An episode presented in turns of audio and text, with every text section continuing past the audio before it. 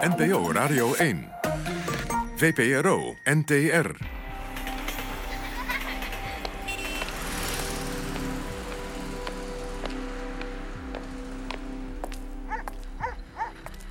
Radiodoc met Anton de Goede. Welkom bij Radiodoc, waarin we vanavond de lange documentaire De Oversteek zullen uitzenden. En zo rond tien voor tien hebben we een sterk verhaal van beeldend kunstenaar Victor de Beijer, die van een vriend een onverwachte opdracht kreeg en die zeer liefdevol uitvoerde. Maar toen...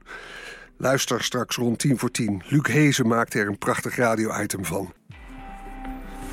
Radiodoc met Anton de Goede.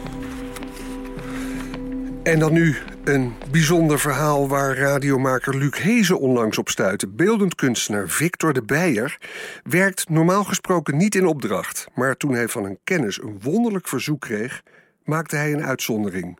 Hier is De Kist van Victor.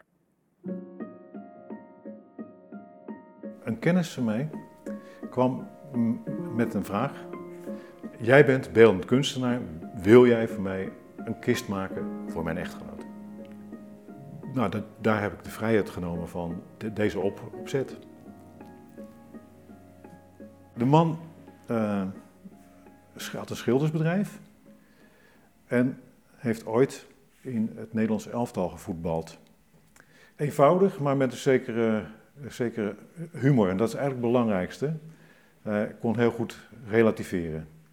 Ik heb gedacht van nou oké, uh, de laatste reis naar het hiernamaals, dat zou iets moeten zijn wat de familie moet uitvoeren. Dragen van de kist, dat zou iets moeten zijn wat de familie zou doen. En daar heb ik handvaten voor bedacht. Die handvaten die zijn demontabel van de kist. En die handvaten die neem je dus mee naar huis als aandenken en ook als uh, vorm van, het is, uh, dit is de laatste reis en ik heb hier opa, oma, oom of tante mee gedragen. Nou, vertel maar. Het is vurenhout, het is, uh, het is gekeurd hout en uh, dit zijn platen die, uh, die ik aan elkaar gelijmd heb en de kist op, met verschillende manieren aan elkaar geschroefd heb. Het heeft aan twee zijkanten zes stokken en dan aan de voorkant en de achterkant zitten er ook nog twee. Dat is misschien wat overdreven, maar dat vond ik wel leuk. Dit zijn, dit zijn handvaten die zijn op, op allerlei verschillende manieren gevlochten. En die zijn allemaal op verschillende manieren met verschillende kleuren touw aan elkaar gezet. Deze is bijvoorbeeld van een ander soort synthetisch uh, nylon. Dat is roze en zwart. En dat is weer omwikkeld met een andere kleur touw. En de stokken zijn ook weer beschilderd? Ja, de stokken zijn beschilderd. Heel wild beschilderd. En uh, dat, vormt, dat vormt dus eigenlijk de, de, de jeu aan de, aan de kist. En het, het uh, maakt het speciaal, zeg maar.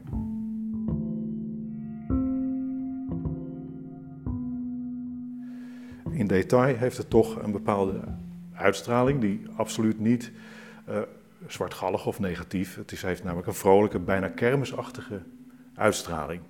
En, en dat past bij de overledene? Of? Nee, dat weet ik niet eigenlijk. Dat is, dat is gewoon heel persoonlijk, dat is mijn persoonlijk idee. En omdat uh, ja, zeg maar het, uh, het overlijden en het, het doodgaan, dat zit vaak in een heel negatieve, donkere sfeer. En die wil ik dan juist even ja, net de andere kant op sturen. Zoiets is het. En ik hou van dat gekleurde touw. Vind ik ook leuk. Kan ook de deksel er even afhalen. Kan je het binnenwerk even bekijken.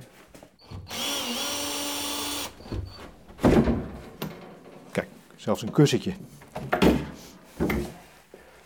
Vloerbedekkingje.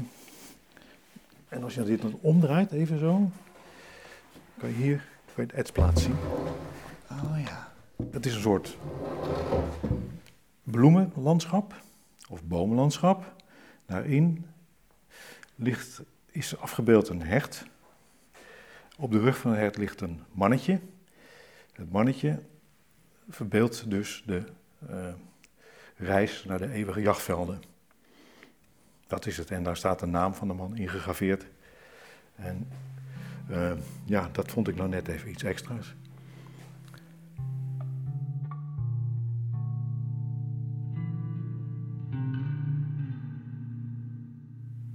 Ik was hier nog bezig, aan de, de laatste hand. En toen heb ik de prijs be- bepaald eigenlijk en dat hebben we doorgegeven. En toen werd er dus, werd belde mijn vrouw en die zei van, ze wil niet betalen.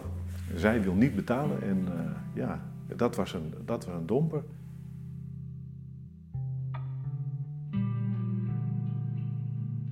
Er is de, de meest goedkope waaimomenkist is er gekocht en eh, daar is hij in, daar is hij in eh, gecremeerd. Nadat hij was overleden, blijkt dus eigenlijk dat het alleen maar geld, zoveel mogelijk geld overhouden, dat het daarom gaat. En dat is verder niet uitgelegd, er is geen woord meer over gewisseld. En eh, nog steeds spreken we haar niet. En dat is, ook, dat is ook volstrekt onmogelijk. Dus ik heb er vier weken, plus minus, in zijn geheel aan gewerkt. En eh, ja, die, dat is dus, is dus niet betaald. Dat betekent dus dat ik de kist nog hier, hier in huis heb. Later, omdat we te weinig ruimte hebben, is hij naar de gang verplaatst en heb ik hem daar neergezet, of op, rechtop gezet. Daar staat hij nu nog. Het is niet een kist waarvan ik denk van ik ga er zelf ooit in liggen. Eh, dat zal ik zeker niet doen. Waarom niet? Ehm, ja, eh, omdat mijn idee over doodgaan, dat heb ik eigenlijk van de Zuid-Amerikaanse Indianen. Ik Het liefst zou ik willen, hoog op een berg, op een houten stellage. En mijn familieleden zouden dan onderaan de berg moeten wachten tot de condor komt langs vliegen. En die condor moet dan mij eigenlijk opeten. En dat, dat vind ik een mooi idee van de dood.